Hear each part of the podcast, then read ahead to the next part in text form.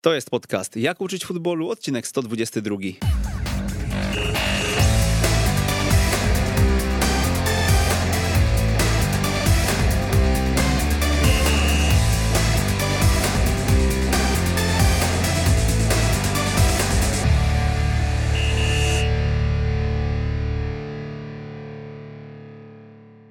Jak uczyć futbolu, odcinek 122. Przy mikrofonie Przemysław Mamczak.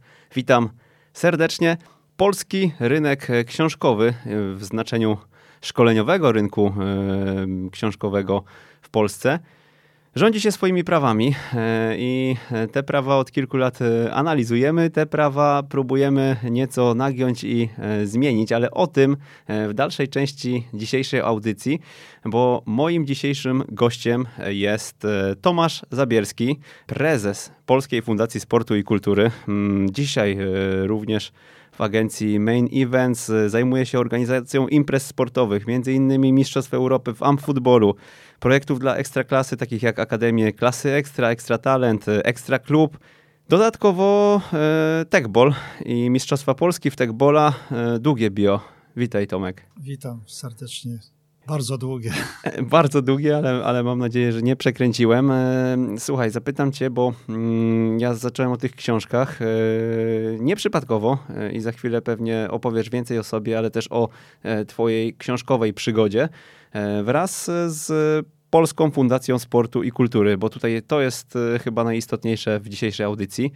W 2013 roku wydaliście w Polsce książkę Funinio piękna gra, w zasadzie faninio, tak to się czyta. Dokładnie tak. Tak, w 2013 roku e, fundacja pierwszy raz jakby napisała projekt e, do Ministerstwa Sportu, że będzie publikować książki z zakresu e, nauczania piłki nożnej. I wtedy skontaktowaliśmy się z Horstem Weinem, który na co dzień przebywał w Barcelonie i od jakiegoś tam czasu zajmował się piłką nożną, bo y, jego publikacje no, czytałem i znałem bardzo dobrze, zwłaszcza jeżeli chodzi o aspekt, aspekt inteligencji w grze i w ogóle takiego myśle, y, poważnego myślenia o graniu, a nie tylko kopaniu. Tych publikacji miał bardzo, bardzo dużo. No i po iluś tam rozmowach i tak dalej udało się z nim dogadać i wykupić e, prawo na, wy, na wydanie piłki, e, tej książki w Polsce. Mhm.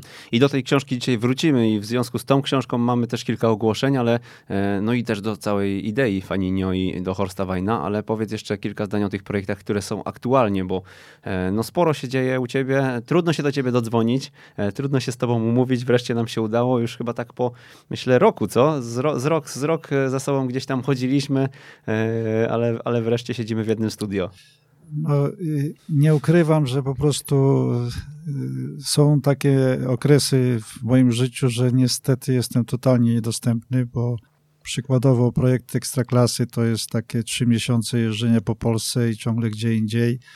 Trzeba się maksymalnie angażować i naprawdę ciężko jest e, na inne rzeczy. W tamtym roku z racji na pandemię okazało się, że wszystko zostało skumulowane w trzy miesiące no, dla mnie to ekstra przeżycie i ciężki, bardzo ciężki okres. Tak samo nie mówię tylko o sobie, ale dla, też dla mojej ekipy, bo to naprawdę jest wielki wysiłek, ale udało się 99% projektów zrealizować i myślę, że to jest wielkie.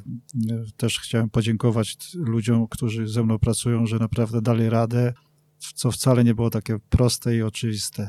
Czym są e, Akademie Klasy Ekstra? To są jakby, jakby trzy projekty. E, wiadomo, że w tamtym roku, właśnie wracając do tej pandemii, e, były bardzo ograniczone w sensie ilości, bo ja tylko chcę powiedzieć, że każdy klub inaczej do tego podchodzi i wiadomo, że to, to nie jest takie proste, żeby zrobić dużą akcję, ale wzorem na pewno jest Legia Warszawa, która co roku ściągała po kilka e, 50 tysięcy ludzi na, na stadion, bo odbywało się to na stadionie Legii, czy też e, Korona Kielce, czy e, Pogoń Szczecin. Oni zawsze dbali o to, żeby jak najszerzej jak najszerszą rzeszę dzieciaków ściągać z okolicy, e, z danego regionu.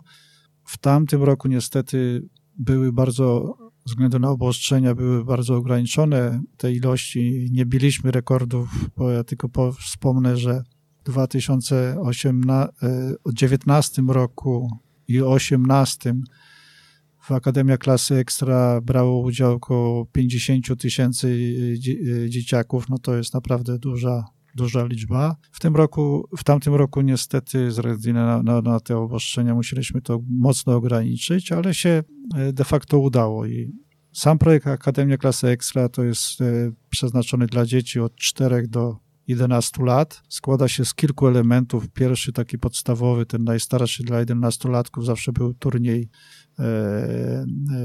7 e, na 7 E, dla dzieci 8-9 e, lat robiliśmy przede wszystkim turniej Faninio, gdzie grano na czterech boiskach, a dla przedszkolaków były gry, zabawy, różne atrakcje. No i w zależności od tego, jak klub e, lokalny podchodził do tej organizacji, no to w wielu przypadkach to było to naprawdę wielkie wydarzenie, wielka promocja i dla klubu, i dla społecz społeczności. E, drugim tematem to jest Extra Talent. To jest projekt dla dwunastolatków, gdzie głównie chodziło o turniej piłkarski, ale drugim elementem bardzo istotnym były testy sprawności y, ogólnej. Były to trzy testy, które wyniki tych testów były wprowadzone do Narodowej Bazy ta Talentów przy ministerstwie. E, był y, bieg wahadłowy 10 razy 5, był y, BIP test, no i zwis na drążku.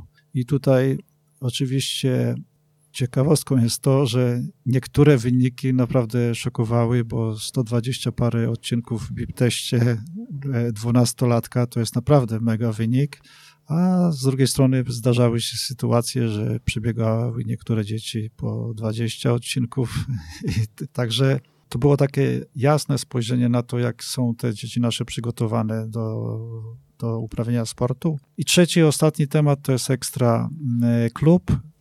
To są zajęcia dla grup, grup otwartych. Wiadomo, że każdy klub prowadzi różne zajęcia w różnych kategoriach, specjalizuje się, są wyselekcjonowane te dzieciaki, a tu chodziło o to, że każdy, kto chce w wieku do 13-14 lat może sobie przyjść i potrenować z trenerem e, nieodpłatnie. Takie grupy kluby organizowały do 30 osób. Wszystkie te projekty oczywiście były y, wspierane przez Ministerstwo Sportu i przez Ekstraklasę. Myślę, że większość klubów była z tego bardzo zadowolona. I został nam tekbol jeszcze. E, już poprawiłeś mnie przed audycją, że nie tekubol, tak. tylko tekbol. E, skąd w ogóle pomysł na to? Teraz jest w modzie chyba ten, ta dyscyplina sportu, bo tak możemy o tym powiedzieć. Tekbol e, na świecie zaistniał właściwie w 2014 roku, a właściwie na Węgrzech. E, Węgrzy wymyślili ten e, temat, wymyślili stół i przepisy i jak to ma funkcjonować. I oczywiście powstała Federacja Światowa, FITEK w 2019 końcu 19 roku została zawiązana Federacja Polska, czyli e, Związek Tekbolu, którym prezesem jest Michał Listkiewicz. Tak w skrócie powie, trzeba powiedzieć, że e, zwłaszcza FITEK dba o to, żeby jak najwięcej, e, żeby ten, e, ta dyscyplina się mocno rozwijała. Po pierwsze, ambasadorem jest tej dyscypliny Ronaldinho. Wiadomo, że to jest postać znana na całym świecie. FITEK w tamtym roku, oprócz tego, że sprzedaje stoły, to też postanowił z racji na pandemię przekazać ilość różne ilości, w zależności od kraju, e, stoły za darmo.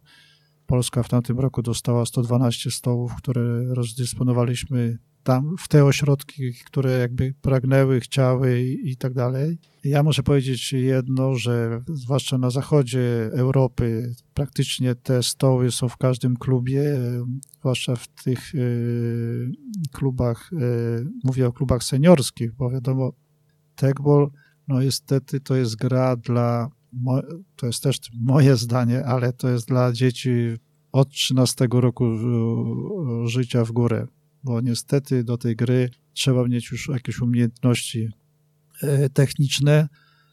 gra polega na tym, że niestety można tylko trzy razy dotknąć piłkę po swojej stronie i to nie jest tak, że można jedną nogą trzy razy odbić, czyli naprzemienność i to jest, y, no niestety nie jest takie proste. Z drugiej strony uważam, że tegball jest idealnym uzupełnieniem treningu y, zarówno seniorów, jak i juniorów i, i, i młodzieży, ale mówię tej starszej, bo generalnie gra się na pił w piłkę na poziomie pasa. To są sytuacje, które są oczywiście nieprzewidywalne w, na boisku, a tu się właśnie na tym stole cały czas się spotyka z takimi sytuacjami i tak dalej. Myślę, że w doskonaleniu techniki jest to naprawdę bardzo dobra gra e, i warto to wykorzystywać. Taka mieszanka tenisa stołowego e, z siatkonogą chyba. No właśnie tak wszyscy to tego, do tego tak to porównuje, ja na to patrzę zupełnie inaczej, no bo to jest, ta gra jest na stole jest bardziej precyzyjna.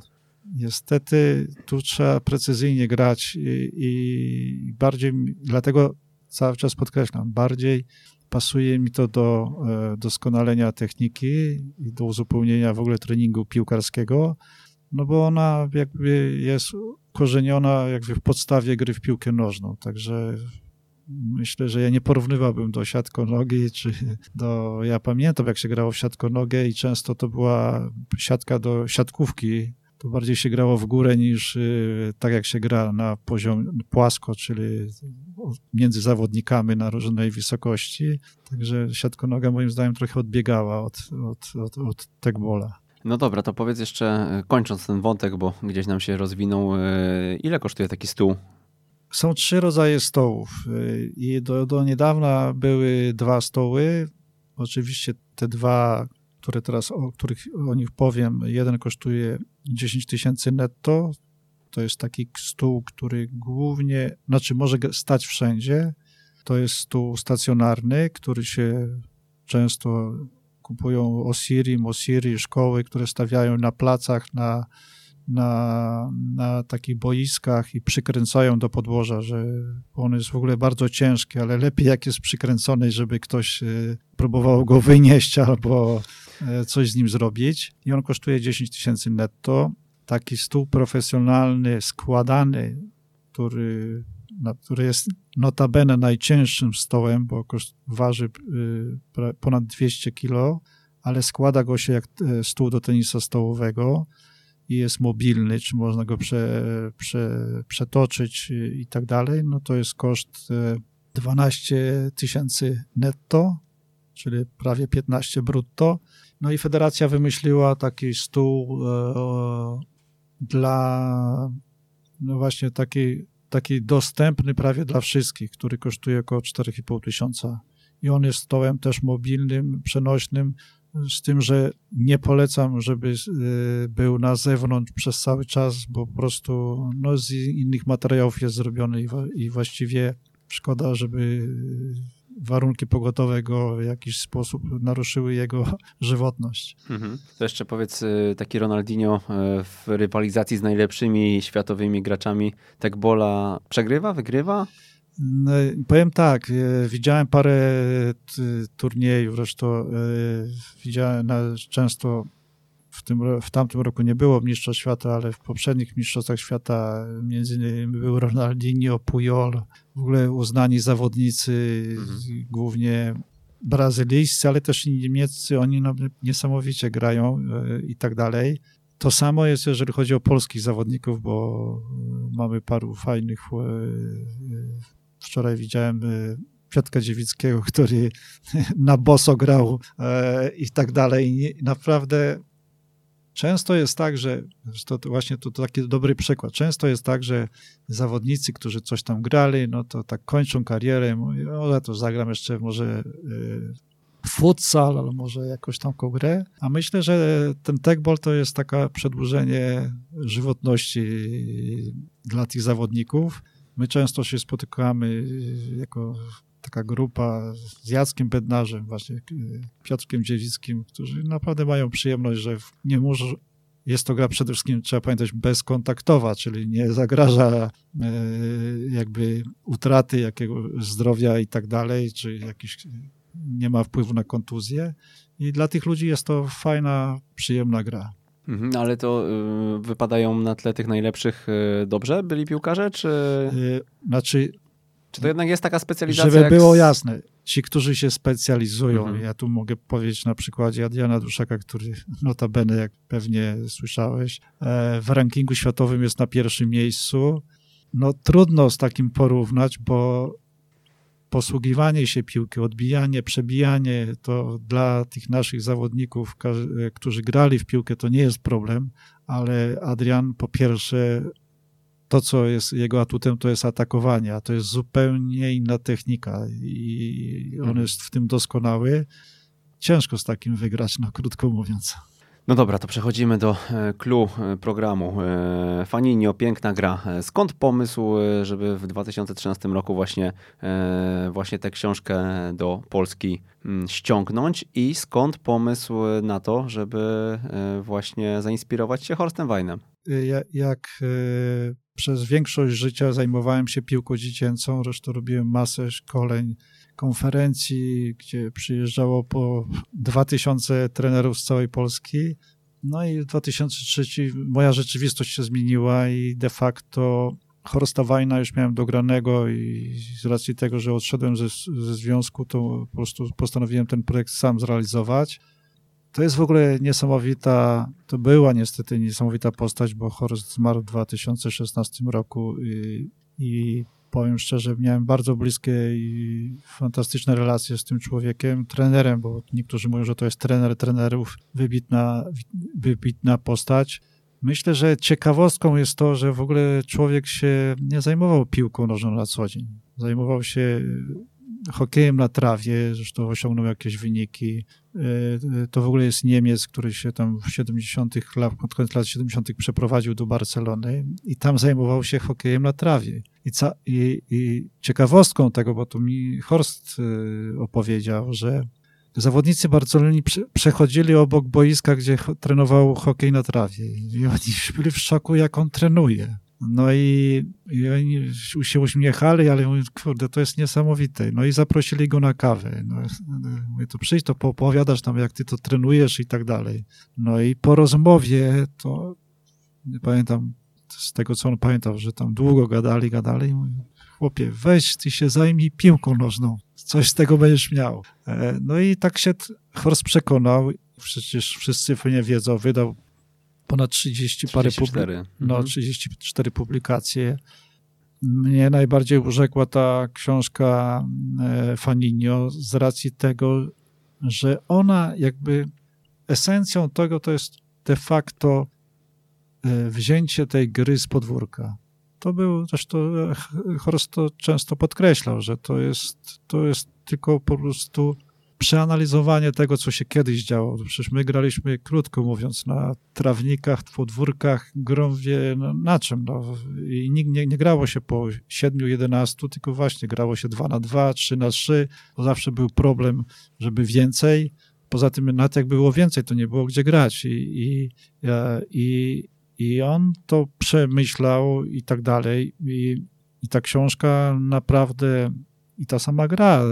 Wiadomo, że to jest uregulowanie różnych rzeczy, ale, ale myślę, że to, co najważniejsze jest, porusza cztery y, jakby aspekty, cztery y, właściwie cztery y, umiejętności, które są bardzo istotne, bo wiadomo, że ta gra dotyczy dzieci 8-9 lat, gdzie głównie kładzie się nacisk na umiejętności techniczne, taktyczne, fizyczne, ale to, co, to, co Horst podkreślał, y, ta czwarta ta umiejętność, czyli te własności kognitywne, radzenie sobie w sytuacjach y, nieprzewidywalnych, bo ta gra jest totalnie nieprzewidywalna, w oparciu o własne doświadczenie, własną wiedzę, czyli tego zawodnika, bo my przez długie lata, zresztą lat, w latach 80., 90.,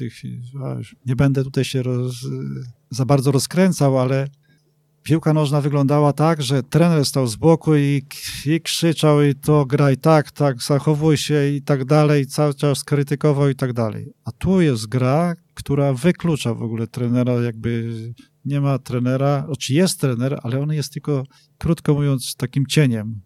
Tu y, dzieciaki grają w piłkę, sami podejmują decyzje, sami rozwiązują problemy i to jest jakby ta istota, że oni się sami doskonale, sami się rozwijają.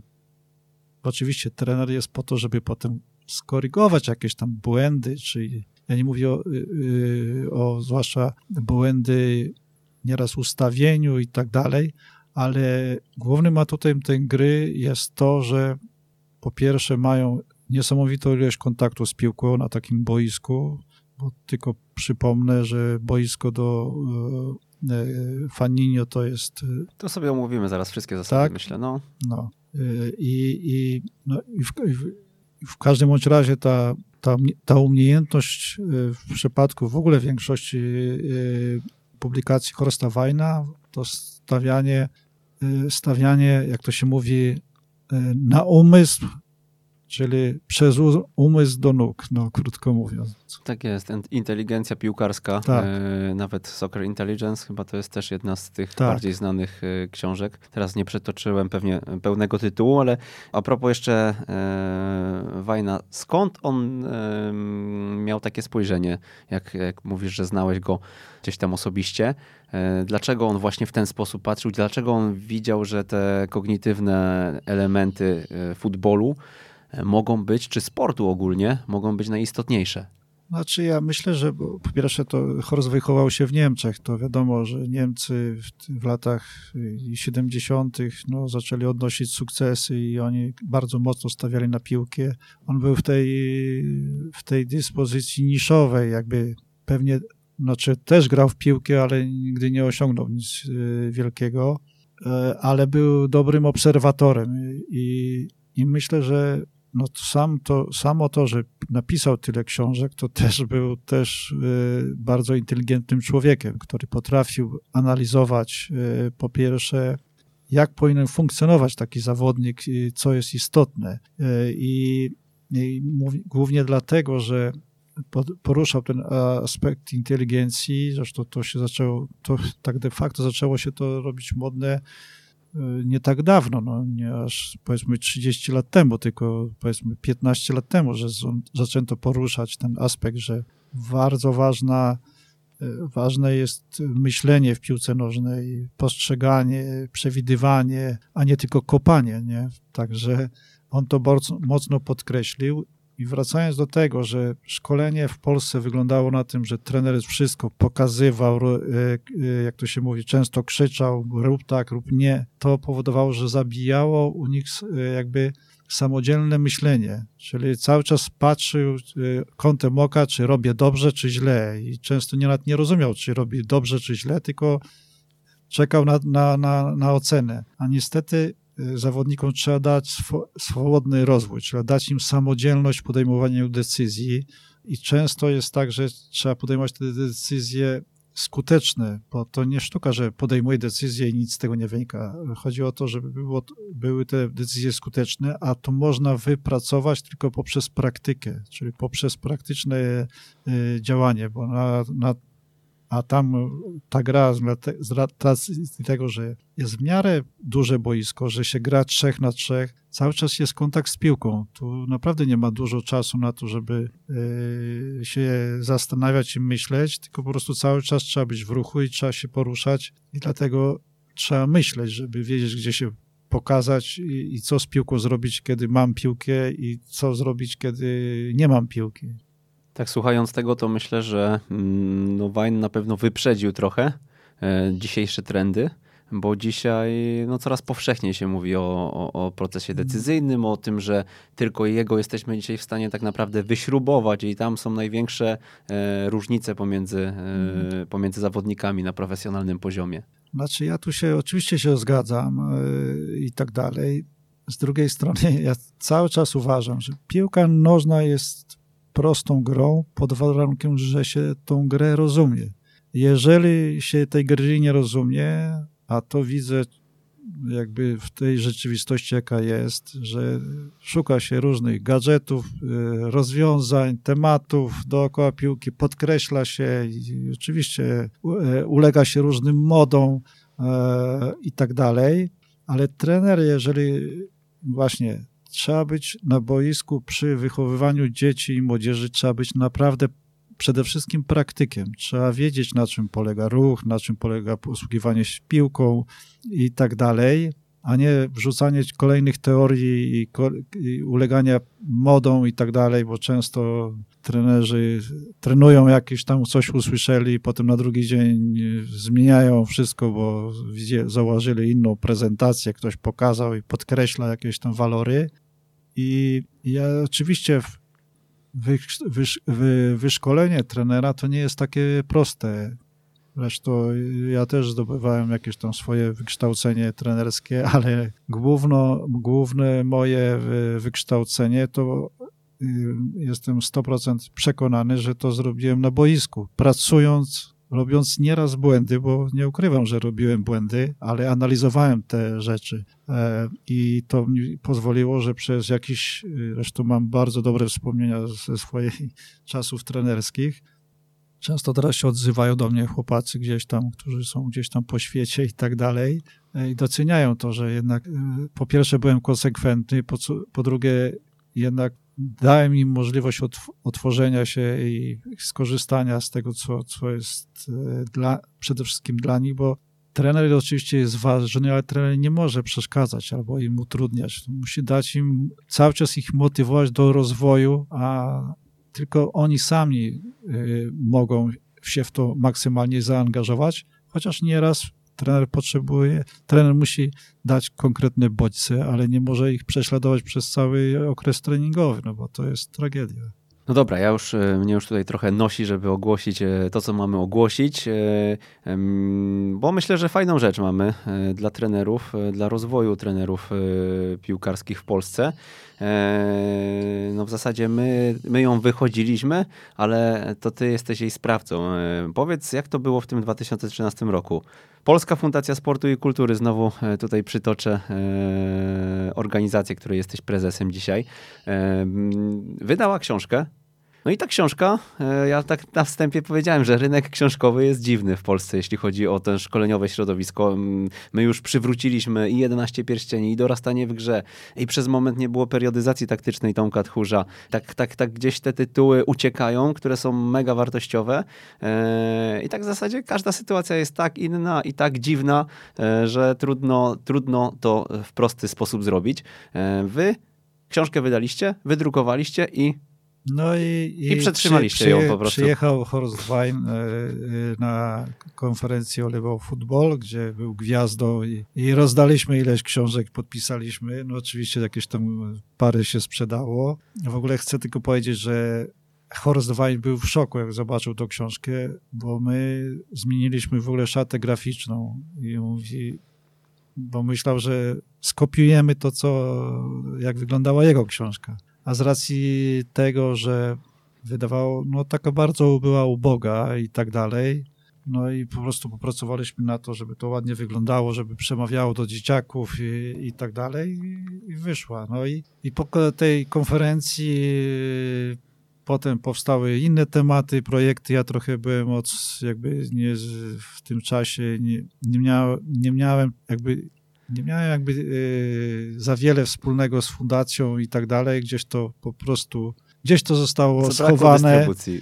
Y, zabrakło dystrybucji. Wiem, że pisało, pisano do mnie różne maile i tak dalej, ale z racji tego, że miałem naprawdę inne tematy, nawet nie byłem w stanie określić gdzie, kto i tak dalej.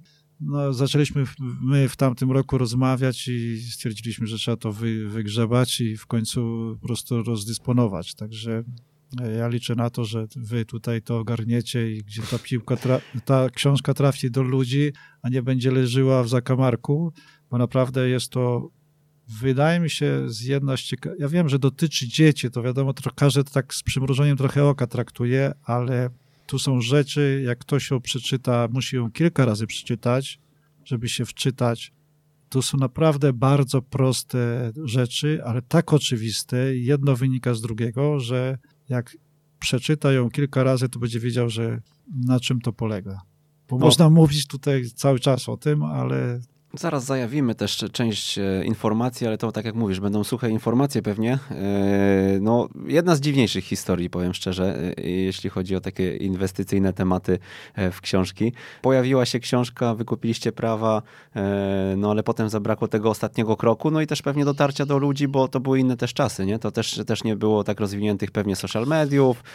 No i, no i z, z drugiej strony nawet kwestia tej dystrybucji, no jechać gdzieś do magazynu, jedną książkę później wysłać, jak no. ktoś pisał maila, to nie ma to sensu. Musi być to stworzone właśnie w taki sposób, który ma... Znaczy, powiem tak, no ja myślę, znaczy w ogóle pomysł był taki, że po prostu wydawało nam się, że zainteresujemy wojewódzkie związki, są PZPN, e, mhm. że warto to mieć w swojej bibliotece, krótko mówiąc. E, no ale jakoś nikogo to nie interesowało i dlatego może tak to, tak to gdzieś tam zginęło. No, tyle. No dobra, e, więc przechodząc do konkretów na ekstratrener.pl ukośnik sklep, e, książka jest już dostępna. Jest już dostępna, my zrobimy taką akcję, że zaczniemy ją e, za chwilkę, za kilka dni wysyłać. Zrobimy jedną taką akcję, żeby pozbierać zamówienia i po prostu książki rozesłać. One są oczywiście w ograniczonej ilości, bo ich tam nie zostało 12 tysięcy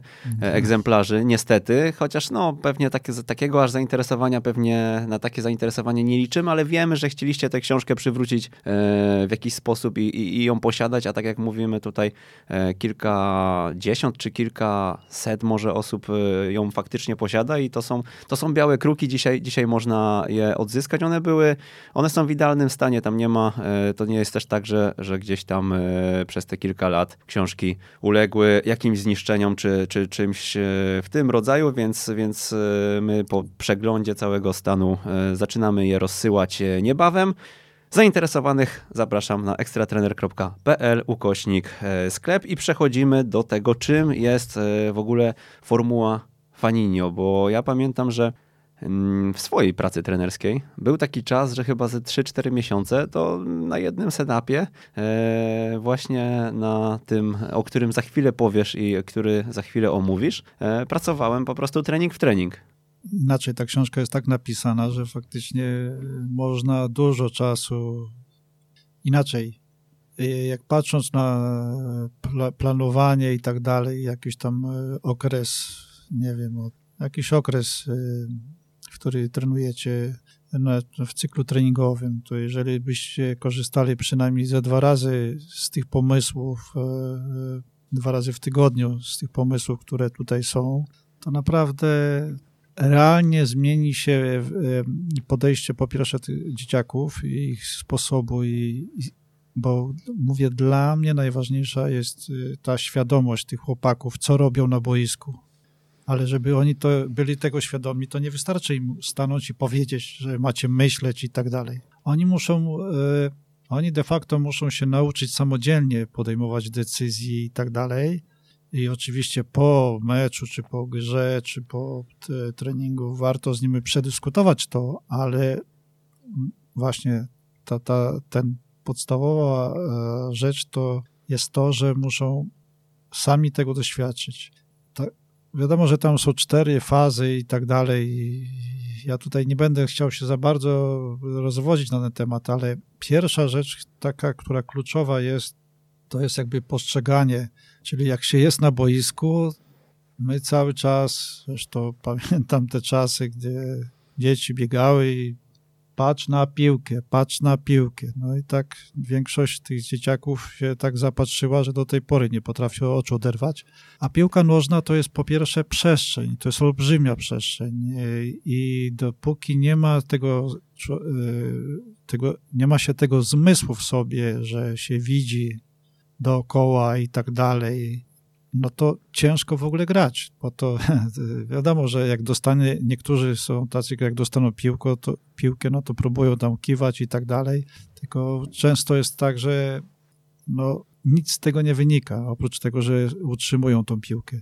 Generalnie takim głównym jakby aspektem każdego dzieciaka, czy każdego zawodnika, czy bodźce, które człowiek odbiera, to przede wszystkim są bodźce wzrokowe, czyli to, co widzi, prze, prze, jakby przekłada w swojej głowie, co by zrobił, będąc, kiedy dostanie piłkę. Zresztą często, zresztą Horst to opisywał, że zawodnik, który dostaje piłkę, już wie, jakie powinien mieć rozwiązania.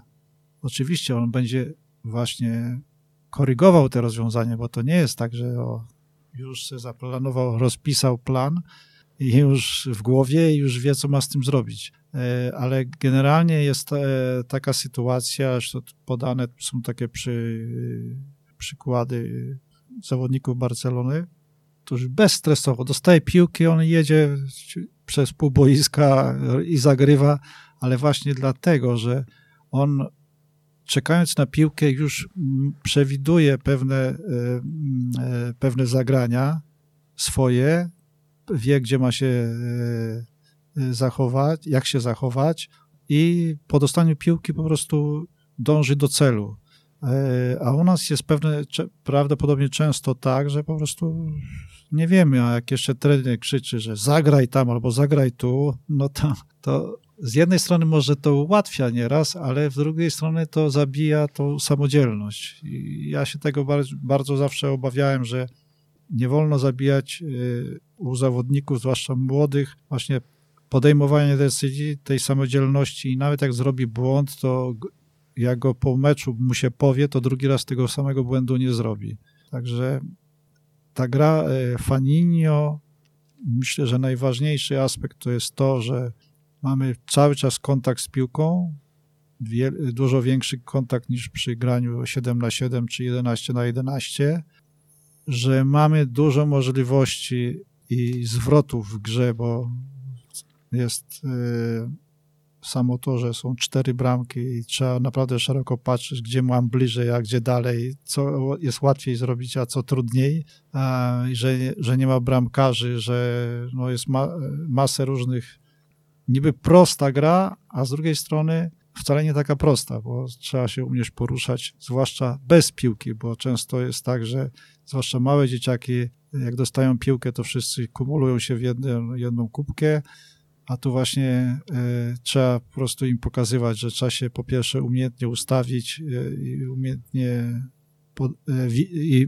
jak się ustawią, to ten, który ma piłkę, musi widzieć tych zawodników i to, tego musi się nauczyć na boisku. E, no dobra, bo mm, osoby, które nie wiedzą, czym jest faninio, to musimy, musimy trochę wtajemniczyć. Ty opowiedziałeś o czterech fazach rozwiązywania problemów występujących podczas gry, czyli postrzeganie, rozumienie i interpretowanie, tak. podejmowanie decyzji, wykonanie techniczne. Tak. To jest opisane też w książce, ale tak. E, ja, ja przytoczę te z moich notatek. Zaraz wrócę do tej kwestii, na którą ty zwracasz cały czas uwagę, a której tutaj w notatkach nie mam, ale e, gry foninio, faninio, podstawowe zasady to boisko, o rozmiarze od 22 do 25 metrów na 25-30 metrów i cztery bramki e, o wymiarach 2 na 1 metr. E, gramy 3 na 3 3 na 3 e, w tej podstawowej wersji.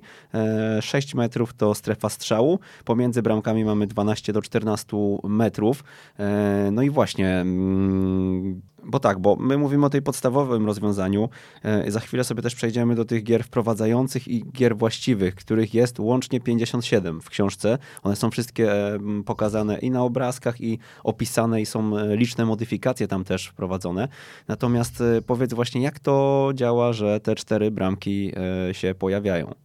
No, znaczy, jak to działa? No, przede wszystkim no, y, stwarza się więcej możliwości do strzelenia bramek. Zresztą przy szkoleniu zwłaszcza dzieci to jest bardzo istotne, żeby dzieci miały możliwość łatwego zdobywania bramek, bo to, da, to pozytywny wpływ ma na, na, na, na motywację i na no, no jakby chęć i, i, i tak dalej. A tu to, to spowodowanie tego, że są no, jakby mamy do dyspozycji dwie bramki, to stwarza więcej możliwości. Ja tu podam, e, bo Niemcy, zwłaszcza e, na, na poziomie dzieci 4, tam 8 lat, zawsze tłumaczyli, że im większa bramka, tym bardziej wskazane, a tutaj e, właśnie, właśnie ma to duży wpływ na inteligencję z tego względu, że te bramki może nie są małe, ale jest ich dwie, to już jest duża przestrzeń i jak jest, widzę problem, to szukam rozwiązania, żeby ominąć ten problem. Czyli na przykład, że jeżeli się ustawiam i mam e, bardzo krótką drogę do bramki, to korzystam z tej krótkiej drogi, a nie kombinuję, żeby sobie wykorzystywać e, e, jakby długą drogę.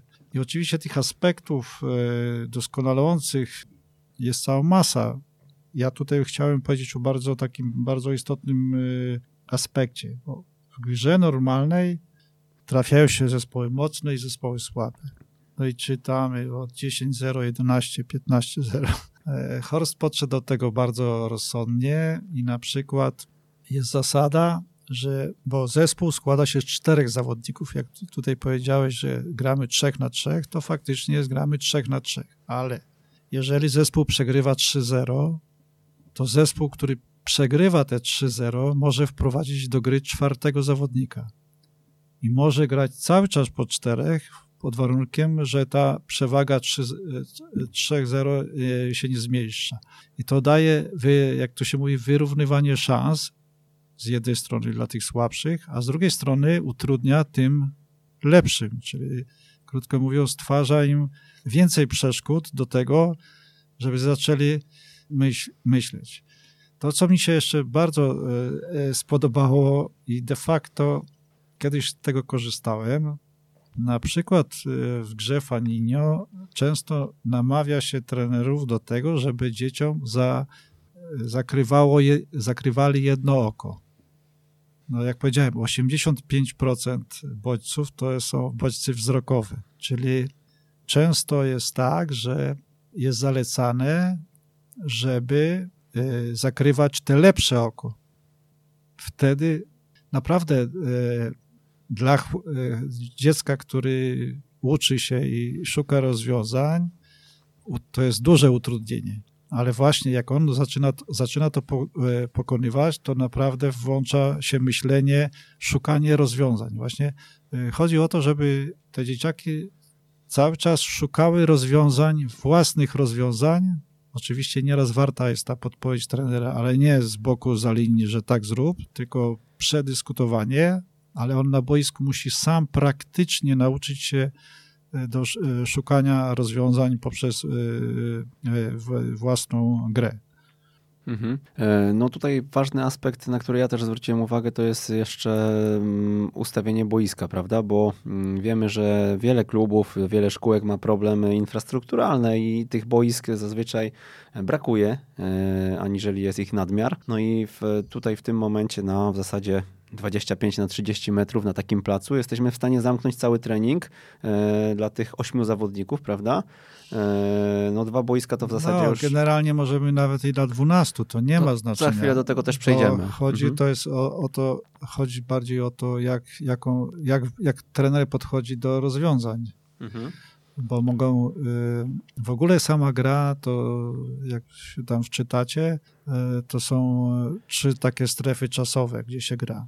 No ale jak mamy 12 zawodników, no to możemy co 10 minut y, ten, który przegrywa, schodzi i cały czas robić rotację. Także taki plac jest, uważam, naprawdę do wykorzystania i nawet jakby było 16, to, to zawsze jest do zorganizowania dobry, do, dobrego treningu, e, a wiem, że niektóre kluby mają duże problemy, zwłaszcza zimą, bo wiadomo, wtedy jakieś takie sektory na hali albo na czymś i już jest to bardzo, e, bardzo duży problem, żeby normalnie funkcjonować. Ale żeby ten trening właśnie miał ręce i nogi, mówiąc kolokwialnie, e, są przygotowane też w książce propozycje gier wprowadzających, tak? Dokładnie Gdybyś tak. nam podał przykłady, o co z tymi grami wprowadzającymi chodzi. Ja bym się tutaj za bardzo nie chciał rozwodzić na ten temat, bo z racji tego, że to każdy trener ma, musi mieć swój pomysł. To, to jest tylko podpowiedź, żeby było jasne. I teraz możemy tu po, powielać jakieś pomysły, które tutaj są e, i tak dalej, ale bo tu ca, cały czas będzie problem tego typu, bo cały czas gramy e, na dwie bramki. I tu raptem jest jakaś zmiana, której, no o co tu chodzi? Właśnie chodzi o to, żeby bardziej, żeby to weszło, zwłaszcza chłopakom w, jakby w nawyk, e, żeby grać jak najdłużej w takim rozwiązaniu, bo to zmienia w ogóle myślenie. Gramy w trójkach, potem łatwiej jest grać e, w dwóch trójkach, na przykład, czy gramy po siedmiu, bo tutaj nie ma bramkarza, to też trzeba pamiętać o tym. Gramy bez bramkarza. Jak dokładamy bramkarza, to mamy dwie trójki, które muszą się nauczyć. E, e, budowanie gry powoduje, że gramy po trzech, po, sze po sześciu, po siedmiu i po dziewięciu i, i, i tak dalej. I to przechodzenie, zwłaszcza jeżeli chodzi na, na etapie rozwoju, mówimy o 8-9 lat, 10-11, potem e, wiadomo, że gramy normalnie w wieku 13 lat, już dopiero, dopiero w wieku 13 lat ma gramy na 11 na 11. Czyli e, ten etap, dlatego Heros bardzo podkreślał to, żeby ten etap gry Mm, Faninio był skierowany dla dzieci 8-9 lat, bo to jest bardzo istotny okres y, właśnie dla zrozumienia gry i, i samodzielnego podejmowania y, jakby zadań na boisku. Bo potem przechodzimy już do bardziej skomplikowanej gry, gdzie już jest większa liczba, ale wtedy już jest mniej kontaktów z piłką. I te, dlatego ten element y, tych kontaktów z piłką w tej grze jest bardzo istotny.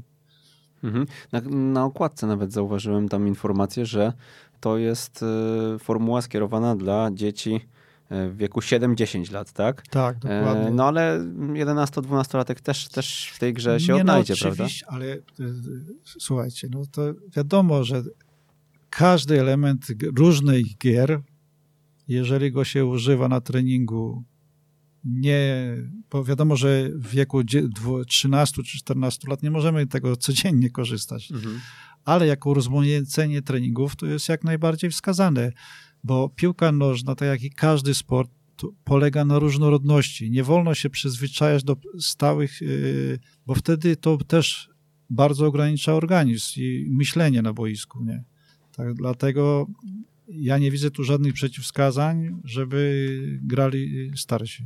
Mhm, ja sobie tutaj um, zerknę w moje notatki. Dawno tą książkę czyta, czytałem, przyznam szczerze, ale ponad 60% wszystkich strat piłki nie wynika z błędów technicznych, ale z błędów w ocenie i zrozumieniu sytuacji oraz w podejmowaniu decyzji. No dokładnie. To jest to, na co cały czas zwracasz uwagę. Ale to zwracam uwagę, to właśnie Horst Dwight to roz, rozwinął, yy, właśnie analizowanie własnych błędów. I naprawdę, to ja pamiętam swoją, swoją młodość i tak dalej, jak on mówił, że człowiek przewiduje, co zrobi dalej. Ja naprawdę jestem w szoku, bo ja to mam ob obrazy przed tym, jak kiedyś grałem w piłkę, no, że po prostu widziałem, że za chwilę będę musiał tak zrobić.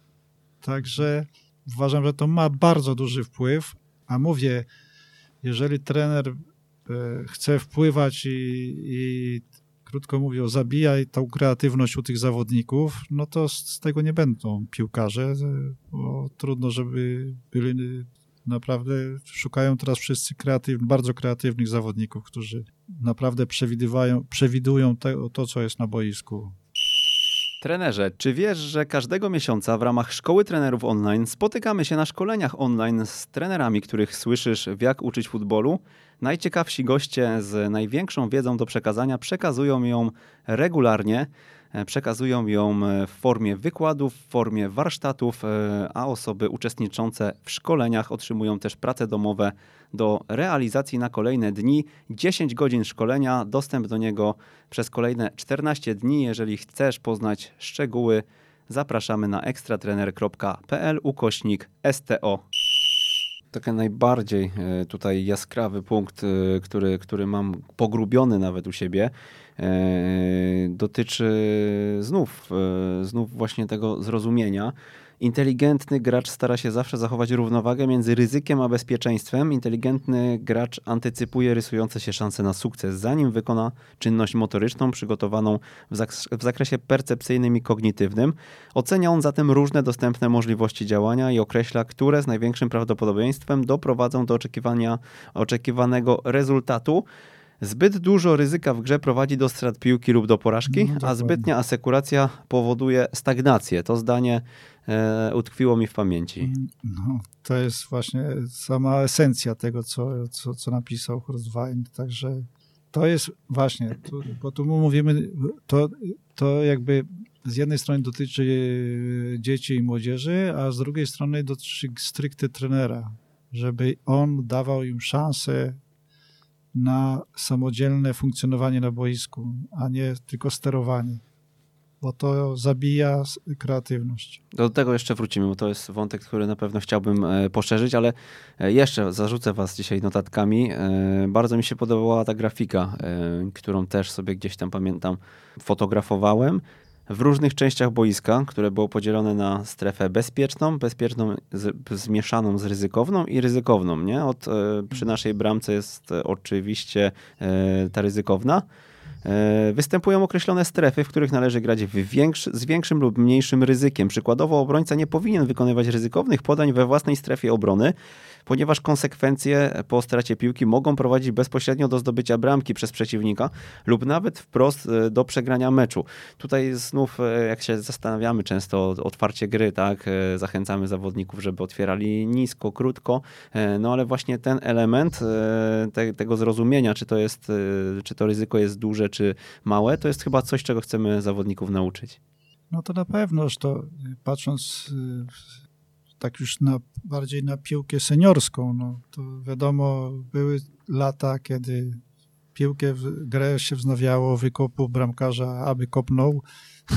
Prawdopodobieństwo, że przejmiemy tą piłkę, to praktycznie było tak powiedzmy 50 na 50, e, ale to właśnie piłka nie Barcelony, czy Holendrów, to pokazywało tak, że wyprowadzenie piłki od siebie to jest, to my mamy tą piłkę, to po co mamy ją wykopywać, żeby ją od razu stracić? Czyli pra mhm. prawdopodobieństwo, że ją stracimy. Czyli y, muszę tak grać, żeby zagrać swojemu zawodnikowi, a nie grać na oślep. I to samo jest w, w tej grze Faninio. No właśnie o to chodzi, żeby zawodnicy tych y, dwóch zawodników, którzy są, na tyle byli, szukali y, przestrzeni dla siebie, a ten, który gra, widział, że jest tam przestrzeń, zagra i ten zawodnik tą piłkę przejmie. A granie, a, pilnowanie i stanie jeden obok drugiego daje znowu 50% szans, że się y, uda albo się nie uda.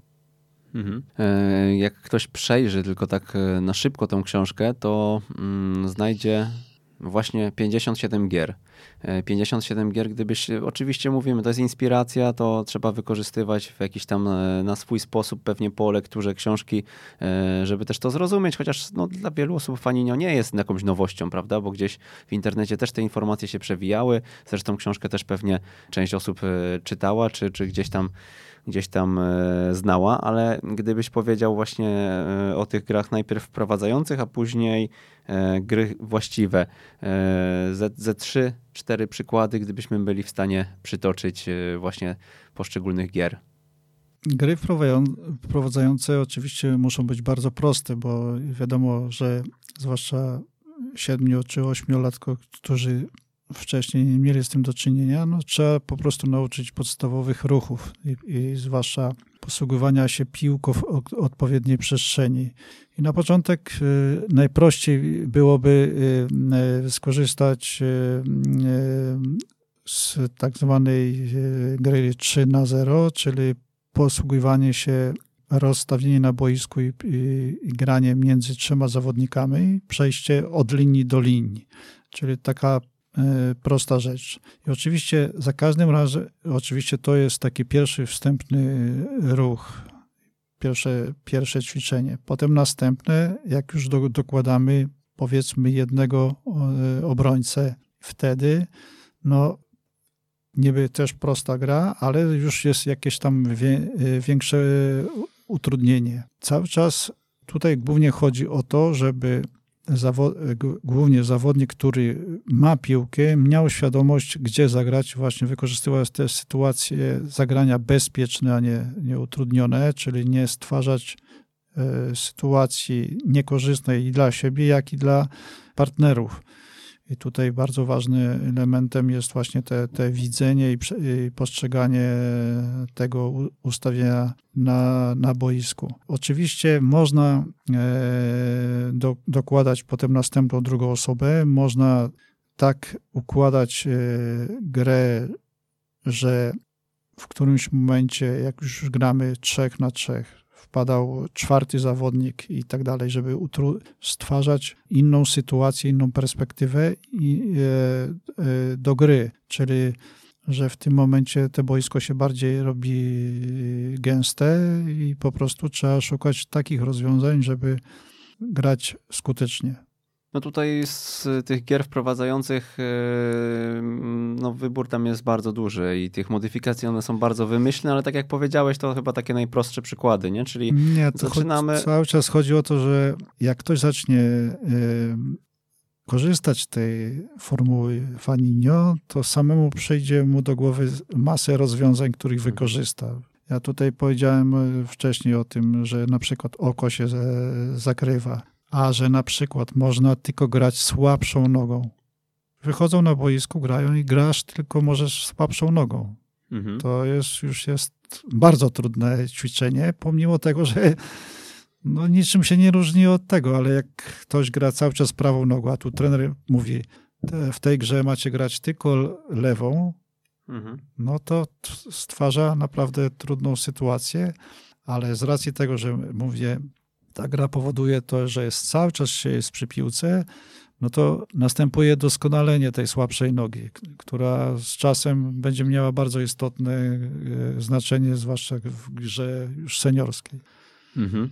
No to jest istotne, bo mm, tak jak tutaj znów cytat, w trwającym 90 minut meczu piłki nożnej średni czas, przez który gracz z pola jest w posiadaniu piłki wynosi mniej niż 90 sekund, tak? Czyli 2% no, jego obecności no na boisku. Tu mówimy o piłce 11-osobowej, dlatego, dlatego e, te gry 3 na 3 mm, z zupełnie, zupełnie zmieniają nam ten obraz. E, no i znów e, gramy 3 na 1 przykładowo. E, zawodnik z piłką na środku ma przed sobą obrońcę, musi podjąć decyzję, tak? Czy Dokładnie. drybluje, czy no jednak optymalniejszym rozwiązaniem jest zagrać do partnera, widząc to w tak prostej sytuacji, bo wiadomo, że w tym momencie podanie jest no jest, jest w 99% pewnie mm, kończy się golem. Nauczymy się tego, potem przechodzimy do, do tych e, no, coraz trudniejszych gier, prawda? Tak, no i tutaj jest właśnie też Horst pokazuje, że właśnie przy zdobywaniu bramek, no można nie, w ogóle nie podać i zdobyć bramkę, ale to nie na tym to polega. I na przykład y, on właśnie zaleca, żeby punkty bramki z, y, zaliczało się tylko wtedy, kiedy trójka zawodników dotknie piłki. Czyli nie jest to tak, że zagram do jednego, a jeden przebiegnie przez mhm. boisko i strzeli bramkę. Na tym to nie polega. Właśnie chodzi o to, żeby cały czas wymieniać się podaniami, widzieć y, y, partnerów, widzieć przeciwnika, żeby nie było takiej sytuacji, bo a następna rzecz, której właśnie cały czas jakby zapominamy. No ta strefa strzałów to jest bardzo istotna. To nie da się, że ze swojej połowy strzelę, i, bo wiadomo, te, nie ma bramkarzy i są puste bramki. Muszę wprowadzić tą piłkę do e, strefy strzałów, a najlepiej to E, można zrobić poprzez to, że gram zespołowo, czyli podaję i oszukuję przeciwnika, krótko mówiąc. No, dużo tutaj jest e, opcji i tutaj od mądrości trenera zależy, co, co sobie wybierze, bo przecież E, no tak jak tutaj opowiadaliśmy, no oczywiście inaczej, zawodnik dryblować może i strzelać gole, jeśli jest w tym skuteczny, to jest też dobre rozwiązanie, natomiast e, jeżeli chcemy, jeżeli nie wiem, mamy jednego, który się wybija w grupie i chcemy trochę, e, trochę wyrównać może szanse zasadami, jesteśmy w stanie na to wpłynąć, to przejdźmy jeszcze do gier właściwych. Mi tam się przypomina, mm, tylko nie wiem, czy, czy, czy na pewno ten czwarty zawodnik był dołożony, ale chyba tak. Czwarty zawodnik, który pojawiał się w strefie strzału, co miało na celu prowokować e, killer pasy, podania penetrujące, zwał jak zwał, no zagrania prostopadłe pomiędzy przeciwnikami, prawda? Tak, tak. No, no czwarty zawodnik zwłaszcza to jest y, zupełnie inna strefa, inaczej, zupełnie to jest utrudnienie, bo jednak jak powodujemy, jest gra trzech, a ma czterech przed sobą, to, to nie jest tak łatwo strzelić, ale właśnie, właśnie jak już grają perfekcyjnie 3 na 3, to wa warto dokładać tego kolejnego zawodnika, żeby zacząć szukać rozwiązania y, na boisku takie, żeby y, właśnie umiejętnie oszukać tych czterech. No. Mhm. I to jest bardzo istotne. Zresztą w piłce seniorskiej wiecie, wszyscy wiemy, że coraz więcej meczy jest tak, że gra się z 10 na 11 i też trzeba sobie poradzić i, i, i coraz więcej meczy, takie zespoły, które są naprawdę dobrze zorganizowane, wygrywają te mecze też ten czwarty zawodnik, który jest teoretycznie rezerwowym, on się co jakiś tam czas zmienia. E, on też e, w którejś z modyfikacji chyba mm, blokował odpowiednich bramek, prawda? Znaczy nie, czwarty zawodnik wchodzi na boisko po, po, zdo, po stracie lub zdobyciu bramki. No tak, w tej, e, w tej tak. podstawowej wersji, ale tak, mówię tak. z tymi modyfikacjami już później tych trzydziestu kilku gier właściwych, które są opisane w książce. No tak, tak, tak. tak. On, on po prostu może mm, stać za jedną z bramek i tak, wtedy do tej bramki nie można strzelić gola, Dokładnie tak? Tak? dokładnie mhm. tak. To coś, jest... coś jeszcze ciekawego? E, podrzucisz jakiś przykład gier, która, która ci się szczególnie spodobała, jak prowadziłeś? Trudno mnie w tej chwili jakby tak... Wspomnieć. Trudno, wspomnieć. Ja pamiętam, że... wspomnieć, bo tych, tych rozwiązań była cała masa, bo na przykład mogą grać tylko po ziemi. Mhm. Nie mogą jej podnosić tej piłki, zagrywać, E, i tak dalej. E, albo, e, że jak już gra, mówię, grali już na jakimś tam poziomie i tak dalej, mają te umiejętności, że mo mogę tylko strzelić bramkę z powietrza, czyli mu musi być jakoś podbita i tak dalej. No tych mhm. kombinacji jest cała masa, to jest, mówię, generalnie to trzeba widzieć, jaki postęp robi zespół, czy jaki postęp i tak dalej i cały czas powodować, że coś zmieniamy, bo to powoduje właśnie kreację, czyli myślenie, że a, kurde, takiej sytuacji nie wiedziałem, a tu trzeba jednak znaleźć rozwiązanie na tą sytuację. Mhm, no dobra, to już nie będziemy tego rozdrabniać. E, kto będzie miał ochotę zajrzeć do książki, e, ja pamiętam, że jak czytałem, to też aż się dziwiłem, że o kurczę, jeszcze to, jeszcze to, jeszcze to było dorzucone, jeszcze taki pomysł właśnie, e, więc na pewno inspiracji co do gier było sporo, chociaż też też no, no nie ukrywajmy, że tam są jakieś, jest tam jakaś wiedza tajemna, jest to po prostu fajnie usystematyzowane, poukładane, a jednocześnie jest ten wstęp bardzo istotny, o którym ty wspomniałeś i, i ja bym do niego nawiązał, bo ty bardzo zwracasz uwagę tutaj dużo na coaching, jak on jest istotny, o zachowanie trenera, bo Faninio to nie tylko zasada gier, ten, ten setup, który znają wszyscy, mam wrażenie, czy, czy właśnie gra 3 na 3 po prostu, tylko właśnie odpowiednie zachowanie trenera przy linii. Nie, no to jest jakby kluczowe, no, że coaching, no, sam coaching to wiadomo, że trzeba cały czas zadawać dodatkowe zadania, które często odbiegają od normalnej gry, no bo to jest, y, to, to, to powoduje to, że przez tę nienormalność naprawdę trzeba trochę się wysilić i to nie jest, a potem się okazuje, że na boisku, że do czegoś nie widzisz, a ale masz ten zmysł przewidywania i właśnie rozbudowywania tego, że trener cały czas kładzie nacisk na takie nieprzewidywalne rzeczy i takie, takie no nieraz może banalne, takie nieoderwane od rzeczywistości, ale potem patrzysz, że ty jesteś bardziej doskonały, bo po prostu widzisz, przewidujesz, y, masz wyobrażenie i tak dalej. Myślę, że rola trenera jest tutaj bardzo ważna, ale nie powinno być to tak, że trener tylko skupia uwagę na siebie. A jak Horst Wein podchodził do tego właśnie, mm, zalecał, polecał, żeby zatrzymywać grę w danych sytuacjach, eksponować błędy, mm, pytaniami dochodzić nie, do rozwiązań? Horst Wein podchodził do tego bardzo prosto. Była gra, dlatego te, stre, te, te strefy czasowe dziesięciominutowe mhm. grali. Oczywiście on był raczej przeciwnikiem, żeby przerywać grę, raczej była przerwa i wtedy pokazywał i tłumaczył, że zrobiliśmy, mogliśmy zrobić inne, albo zadawał pytania. Mhm. Na przykład, co byście zrobili, jakbyście tak zagrali? I to yy, Albo, A to na tablicy taktycznej, czy jak, jak on to prowadził? No, na boisku ciężko na tablicy taktycznej, tylko często tłumaczył to mhm. i tak dalej. Odtwarzając to też na boisku, tak? Tak, tak. Zresztą y, takie zajęcia Horst prowadził w Warszawie na Torwarze. Także, także no, to jest mega doświadczenie. No.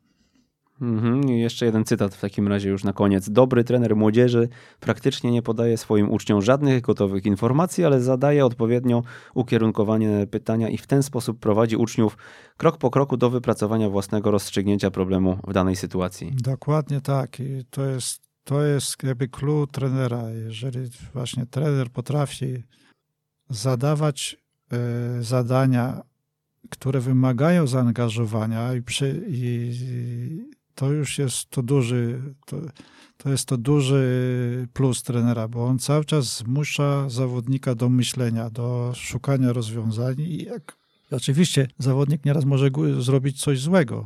To nie jest tak, no bo nie za każdym razem jest w stanie znaleźć konkretne e, e, rozwiązanie, ale właśnie po to jest trener, żeby potem wytłumaczyć spokojnie. To, że zrobiłeś błąd, to się zastanów teraz, dlaczego ten błąd zrobiłeś i jakie są skutki tego.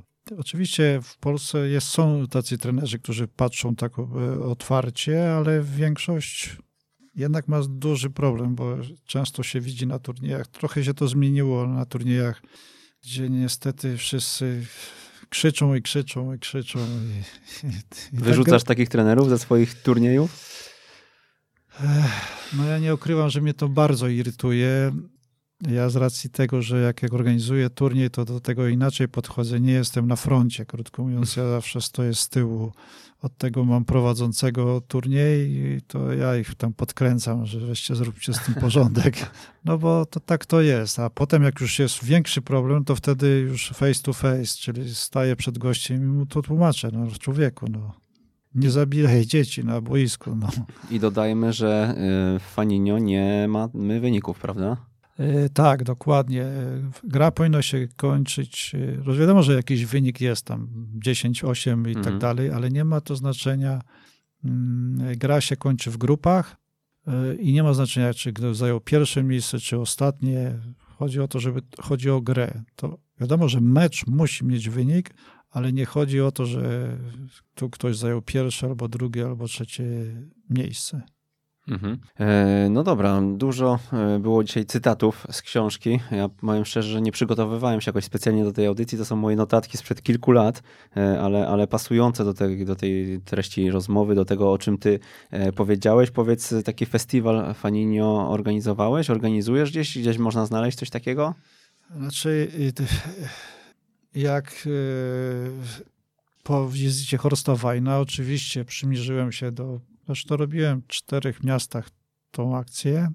Między innymi Kraków, e, chyba Chorzów, Olsztyn, i tak dalej, ale chyba największa akcja wyszła w Krakowie, wtedy na, ośmiu, e, na ośmiu boiskach.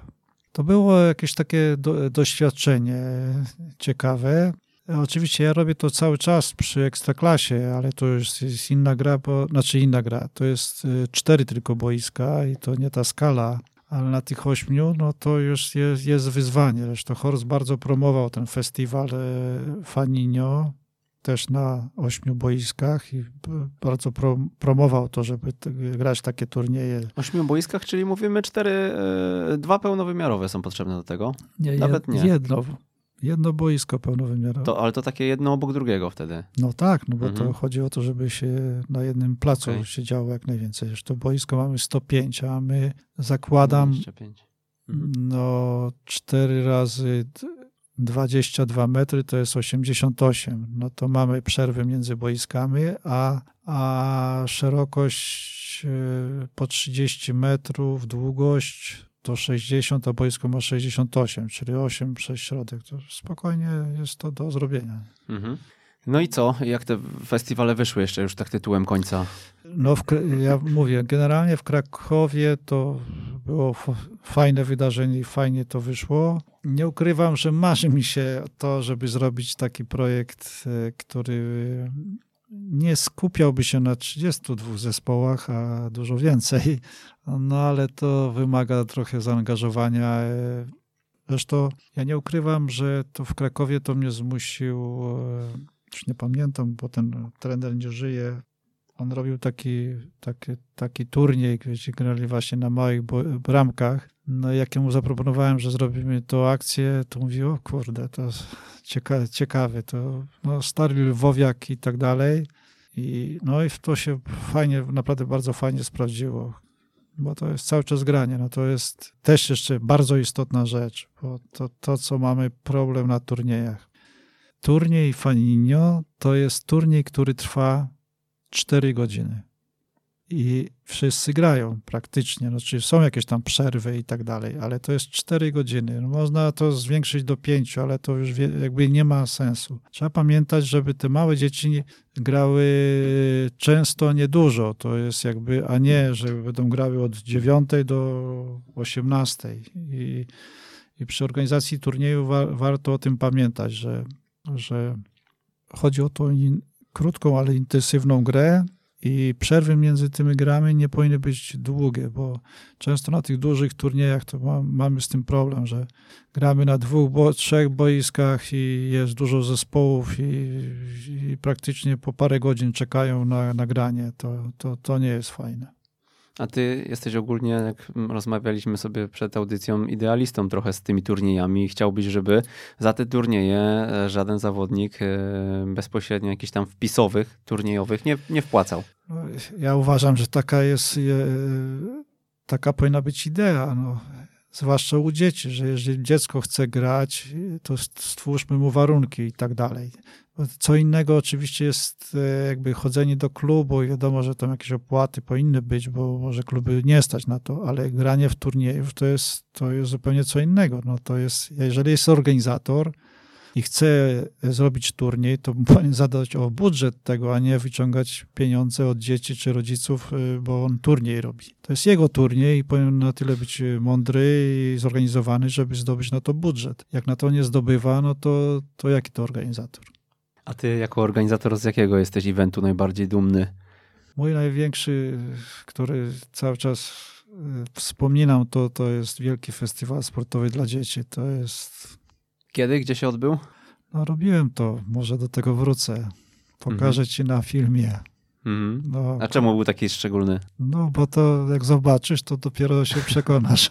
No to dobrze, załączymy może do e, jakieś obrazki do e, opisu odcinka. E, jakie byś dał rady trenerom, którzy nas słuchają? Trochę mm, też trenerskiej tutaj wiedzy, nie tylko organizatorskiej po twojej po twojej stronie, dużo doświadczeń piłkarskich, e, sama znajomość z Horstem Weinem, pewnie dyskusje liczne. No tak, no ale czy moja, moje doświadczenie, budowanie, budowanie własnej przyszłości to nie jest skakanie z kwiatku na kwiastek. To trzeba pracować nad własnym zespołem, ciągle analizować to, co robię, oceniać się samemu, dać się oceniać, i nie ulegać jakiejś presji co chwila, że ktoś mówi, a to rodzice, a to, a to jacyś działacze, że tak czy inaczej. Trzeba być po prostu autentycznym trenerem, który ma własną wizję.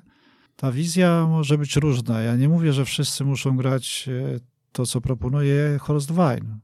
Też nie może odbiegać to i łamać jakiekolwiek stereotypy, bardzo nie, które będzie miało zły wpływ na, na, na rozwój y, dzieciaków, bo, bo to też nie jest wskazane.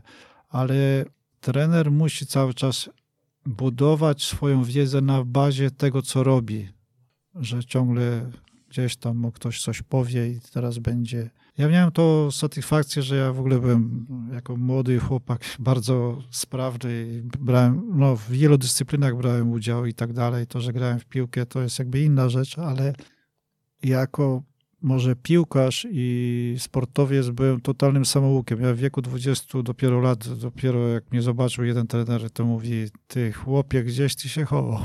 Taka prawda. Byłem, byłem wtedy w reprezentacji Wojska Polskiego ja sam w szoku byłem, jak ja mam potencjał. Nikt tego u mnie nie widział. No ale nie miałem trenera, bo za moich czasów nie było trenerów. Ja grałem w piłkę w seniorach w wieku 16 lat to teraz prawie nie ma takich y, sytuacji, mhm. no ale to inne czasy. Człowiek się wychował na podwórku.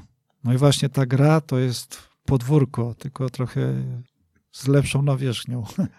A było jakieś takie zdanie albo pytanie, które usłyszałeś od Wajna i e, zostało ci w pamięci? Jakieś krótkie, które gdzieś, gdzieś ci w głowie tak zostało na trwałe? No trudno mi w tej chwili, bo tu dużo wątków tam poruszaliśmy i tak dalej. No, mhm. Nie no, czy inaczej, no tu nie chodzi na to zdanie. Mnie właśnie to stwierdzenie, które właściwie tylko się z, z, mnie z nim kojarzy, czyli piłka nożna rodzi się w głowie, a kończy na nogach, no i tyle. Jak nie masz tego w głowie, no to nogi będą robić to, co będzie, będą chciały, ale nie to, co ty chcesz. Jakie są twoje plany, e, cele na najbliższy czas? A może nie tylko najbliższy, może też na ten dalszy? No to znaczy tak, no mój pierwszy taki cel główny to ruszamy z, można powiedzieć, że takie prawie profesjonalnym klubem tekbolowym. Będzie to się nazywał Warszawski Tech Club. Naszym głównym celem to jest to, żeby e, dwóch reprezentantów e, kraju, którzy grają w tym klubie, no, na Mistrzostwach Świata odniosły jak największy, e, jak największy sukces. Liczymy na Adriana Duszaka, który no, jest wyjątkowym zawodnikiem i, i, i chcemy mu stworzyć takie warunki, żeby naprawdę jechał tam z podniesioną głową i nie, nie, nie, nie stresował się, że, że mu to nie wyjdzie. I to jest jakby główny w tym roku jakby projekt, który go robię, a reszta, no to no, cały czas tworzymy jakieś tam rzeczy. Ja bym chciał, żeby po pierwsze była jakby zamknięta sprawa pandemii, no bo to dla mnie to jest największy problem piłki nożnej i sportu i w ogóle zdrowia Polaków, bo sport daje zdrowie ludziom, daje ludziom zdrowie i no, ja jako facet, który już ma parę lat, cały czas będąc przy sporcie, sam to czuję, że po prostu nie mam jakby z niczym problemu, chociaż to nigdy nie wiadomo, co człowieka spotka. Uważam, że ludzie powinni mieć dostęp do sportu maksymalny, jak, jak się tylko da. U nas ta moda ja się, jakoś tam się zaczęła rozwijać, bo ludzie jeżdżą na rowerach i biegają i tak dalej. No ale teraz jak zatracimy te młode pokolenie, zwłaszcza dzieciaki, które będą mieli ograniczony dostęp do, do trenowania, do, do, to, to, to słabo to widzę, bo jednak z pokolenia na pokolenie coraz ciężej o sprawność e, naszego narodu, a tego nie wolno jakby zaprzepaścić i trzeba stworzyć im warunki do tego, żeby mogli naprawdę rozwijać się fizycznie i intelektualnie a sport to nie tylko fizyczność. Tomasz Zabielski był naszym gościem. Dziękuję bardzo. My również dziękujemy. E, no i tak jak już przejęliśmy te książki, to już ich nie oddamy, tylko roześlemy trenerom, e, którzy będą mieli ochotę e, je zakupić. Trenerzy, do Was informacja jeszcze raz ekstratrener.pl ukośnik sklep. Tam znajdziecie książkę w produktach sklepowych. Będzie informacja też od kiedy wysyłamy. Jeżeli tej informacji nie ma, to znaczy, że wysyłamy na bieżąco. E, w zależności od tego, kiedy słuchacie tego podcastu, tej rozmowy. E, no i co, pokażcie nam, że było warto e, za Tomkiem jeździć po kraju i ścigać go, bo być może jeszcze jakieś inicjatywy tego typu przed nami, dużo fajnych tytułów gdzieś udało się na rynek przywrócić. Bardzo się cieszę, że e, dopięliśmy też ten temat, e, no bo, bo uważam, e, zresztą po moich notatkach, jak słuchaliście uważnie, widać chyba, że mm, no, uważam tą pozycję za bardzo wartościową. No i taką jedną chyba z masterit dla trenerów. Zresztą nawet z tego, co, jeżeli dobrze pamiętam, to w rankingu książek, w naszym rankingu książek jak uczyć futbolu, ja wyróżniałem tę książkę i nawet nie wiem, czy ona nie zajęła jakichś tam e, miejsc dosyć, e, dosyć wysokich. Tego przyznam szczerze. Nie sprawdziłem. Jeszcze raz. Tomasz Zabierski, dziękujemy bardzo. Dziękuję bardzo. I Przemysław Mamczak, to był 122 odcinek Jak uczyć futbolu. Pozdrowienia i do usłyszenia.